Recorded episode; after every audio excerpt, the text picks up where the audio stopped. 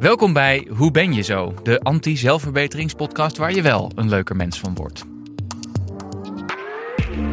Wij zijn Lennart en Thijs, psychologen. En normaal gesproken bespreken we in deze podcast in elke aflevering een persoonlijkheidstrek. Momenteel zijn we in afwachting van seizoen 2. In februari is het zover. Dan komen we met een heel nieuw seizoen. Uh, waarin je je persoonlijkheid beter kunt leren begrijpen. In de tussentijd beantwoorden we hier steeds een aantal van jullie prangende luisteraarsvragen. Waar er nogal een hoop van zijn binnengekomen. Dank jullie wel daarvoor. Ja. En misschien even goed om tussendoor te zeggen, uh, als je nou meer over jezelf wil weten en je eigen persoonlijkheid wil weten, hoe jij scoort dus op de Big Five van persoonlijkheid, uh, ga dan naar understandmyself.com. Dat is een website waar wij verdienen daar geen drol aan. Dat is gewoon extern, maar dat vinden wij een hele goede persoonlijkheidstest. Het is wel in het Engels. Je moet er iets van 10 euro voor neerlappen. Maar dan krijg je een mega uitgebreide uh, ja, antwoord uh, uh, op wat jouw persoonlijkheid is. En die is dus heel erg goed. Er zijn ook wat gratis persoonlijkheidstestjes te vinden. als je in Spotify of op iTunes in de show notes kijkt, dus dan moet je die beschrijvingen openen. Dan zie je heel veel, zie je altijd ook die verschillende persoonlijkheidstestjes vaak terugkomen. En doe dat ook, want Lennart heeft ontzettend veel werk gehad aan het bij elkaar vergaren van al die show notes. Ik zou het niet lezen als ik jou wilde, maar al die, al, die, al die wetenschappelijke artikelen. Maar goed, mocht je echt een deep dive willen in waar wij over nadenken en waar, wat er allemaal in persoonlijkheidswereld gaat, dan vind je daar dus ook allemaal wetenschappelijke artikelen. Hartstikke leuk voor de uber-nerds, zoals ik. Luisteraarsvraag. Deze is voor jou, denk ik. Ik vond het wel een leuke vraag. Dag heren, hier een luisteraar van de podcast. In de aflevering over neuroticisme zegt een van jullie, ik ben even kwijt wie precies, Lennart, dat je een nul scoort op deze schaal. Dus nul scoort op neuroticisme. Ook vertellen jullie dat deze schaal ook iets zegt over in hoeverre je empathisch en meelevend bent. Zit dit soms niet in de weg in je werk als psycholoog als je hier nul op scoort? Ben benieuwd naar je slash jullie antwoord. Groetjes, Christian. Ja, uh, zit het mij in de weg? Nou ja, het hangt misschien even uitleggen wat ik dan. Ik ben, ik ben organisatiepsycholoog. Dus wat ik doe is heel veel bij bedrijven binnenkomen. Uh, en niet dus uh, per se iemand op de bank tegenover me hebben als een soort als een therapeut of een, psychotherapeut. Um, en, en, ja, dus ik kan, ja, ik heb niet per se heel veel van dat empathische mega hard nodig. Hoewel empathisch kan ook een beetje voortkomen bij, uit agreeableness. Ik scoor daar een beetje een middenscore. Mm -hmm. dus ik kan me soms best wel uh, ja, hoe zeg je dat? Ik kan best wel begrijpen dat iemand bepaalde emoties heeft. En dan kan ik daar ook heel erg geduldig mee zijn. Dat is ook fijn aan die niet-neurotische kant. Dat ik, daar, ik ben ook een stuk geduldiger, denk ik. Um, maar ik zal niet hetzelfde gaan voelen als de persoon tegenover me. En ik denk eigenlijk dat dat in mijn werk best wel nuttig is. Want daardoor hou ik ook een bepaalde ja, objectieve afstand. En, en kan ik er gewoon uh, ja, dus objectief naar kijken en op die manier gewoon mensen helpen. In plaats van dat ik mee ga zitten huilen als er een huilend persoon tegenover me zit. Omdat ik het ook allemaal zo erg vind. Dat gebeurt mij dus niet zo snel.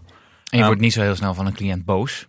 Zeker niet. Niet geïrriteerd, niet boos, allemaal niet. Ik heb trouwens, uh, uh, dat weten denk ik niet zo heel veel mensen over. Maar ik heb wel een tijdje ook in een praktijk, in een psychologenpraktijk gewerkt. Uh, had ik een aantal cliënten. En dus toen heb ik wel echt soort van, nou ja, het soort van standaard psychologenwerk gedaan. En ook daar was het handig, want, en dat is misschien wel een leuk feitje om te weten, wat psychologen namelijk een therapeut zeg maar niet moet doen, heet tegenoverdracht. Niet of jou dat wat zegt, Thijs. hoe bedoel je niet moet doen? Nou, als wat cliënten heel vaak doen, is die proberen dingen op een bepaalde manier te projecteren vanuit hunzelf naar de therapeut toe. Ja. En wat je dan als therapeut moet, niet moet doen, is daar een soort van in meegaan of op ingaan. Dus even een, een, een, als een stom voorbeeld, heel, heel vaak als iemand bijvoorbeeld een, uh, sommige mensen hebben een bepaalde, ja, een zielig verhaal. En uh, soms is dat soort van zielig doenerij is onderdeel eigenlijk van hun probleem in hun leven. Mm -hmm. Uh, en dan gaan ze dat zielige verhaal dus uh, ophangen, ook weer aan de therapeut. Met een beetje als hoop dat daar dan heel erg soort van met compassie op wordt gereageerd. Van oh, wat zielig inderdaad. Iets wat normaal vrienden zouden doen, zeg maar. Ja. Van hey, wat vervelend voor je. Nou, zijn arm over je schouder. Het komt wel goed en dit en dat. Dat is soms wat een cliënt heel graag wil dat je doet bij hem of haar. Ja. Wil getroost worden. Wil getroost worden. Maar ja. soms is dat niet de beste. Precies niet wat je moet doen. Precies niet hetgene wat je moet doen om diegene te helpen. Ja. En dat is dus het, dat is het tegen, als je dat wel doet, dan doe je aan de vorm van, dat heet dan tegenoverdracht. En je moet geen tegenoverdracht doen als Nou, of zo min mogelijk. Niet dat helemaal. De tegenoverdracht is gewoon het gevoel dat je krijgt, of de neiging die jij bij jezelf voelt als therapeut, Ja. op, wat, op het gedrag wat je cliënt doet. Maar als je, dus als je inderdaad bent met je eens, als je eh, veel te veel helpersneigingen krijgt, bijvoorbeeld, als therapeut, dan is dat ook niet heel erg wat je wil, denk ik. Precies. Ehm, dus dus ik, zou, ik zou zelf zeggen, eh, de, de vraag is, zit eh, heel laag scoren op neuroticisme je niet in de weg op je, in, je, in je werk als therapeut?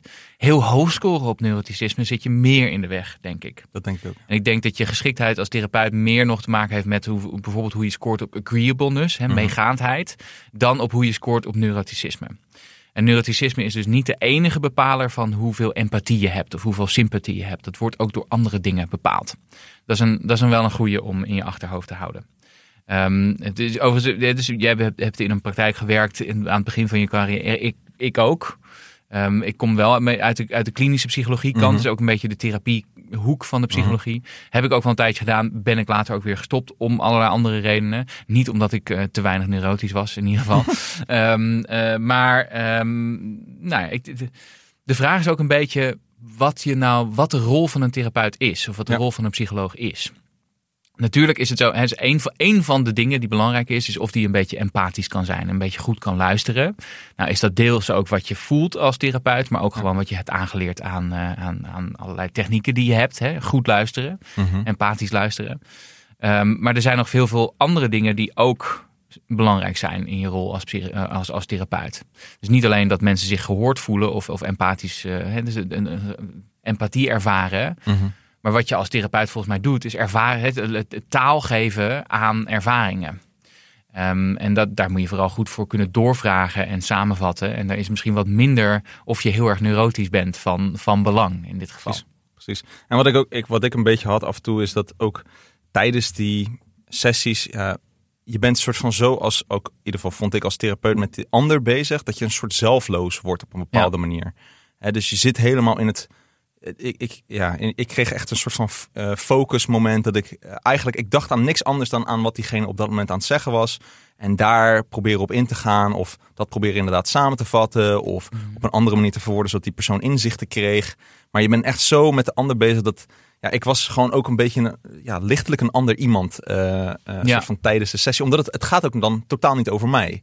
Eh, dus ik ben niet mezelf heel erg aan het blootgeven. Oh, hier zit ik mee. Oh, dat heb jij meegemaakt? Nou, ik had laatst ook zoiets. Dat ben je totaal niet aan het doen. Je bent dan, hé, hey, maar hoe komt dat dan? En hoe zit Ja. dat dan? En, Ja, het interessante is dat- je als, als psychotherapeut ben je je eigen instrument. Ja. Dat, is het, dat is het grappige. Ja. Of het interessante eraan. Ehm, maar hè, medeleven tonen is misschien wel een onderdeel van je, van je eh, pakket. Het kan de relatie versterken. En bovendien, je hebt soms ook iemand nodig die niet alleen maar je wil, wil knuffelen en wil, voor je wil zorgen en je heel zielig vindt, maar ook iemand die je gewoon een schop onder je hol moet geven. Ja. Eh, dat is ook iets wat een, eh, wat een psychotherapeut moet kunnen doen. Exactly. Nou, dat. Ja, nou, Ja. hele Vraag mooie vraag, denk ik. Ja. Ja, nou, dat, eh, dat was hem weer voor nu. voor de vraag van Christian. Ja, Ehm, Thanks daarvoor. ja, super, super goede en interessante vraag. eh, over die Maffelen met zijn eh, nul op neuroticisme. Ja, dat blijft nog steeds raar, hè? Ja, het blijft eh, vreemd. Ja. Ja. Ben je ook voor behandeld, toch? Eh yep. Zelf ook naar de psycholoog gegaan hiervoor. Which is true. Nou, niet per se daarvoor.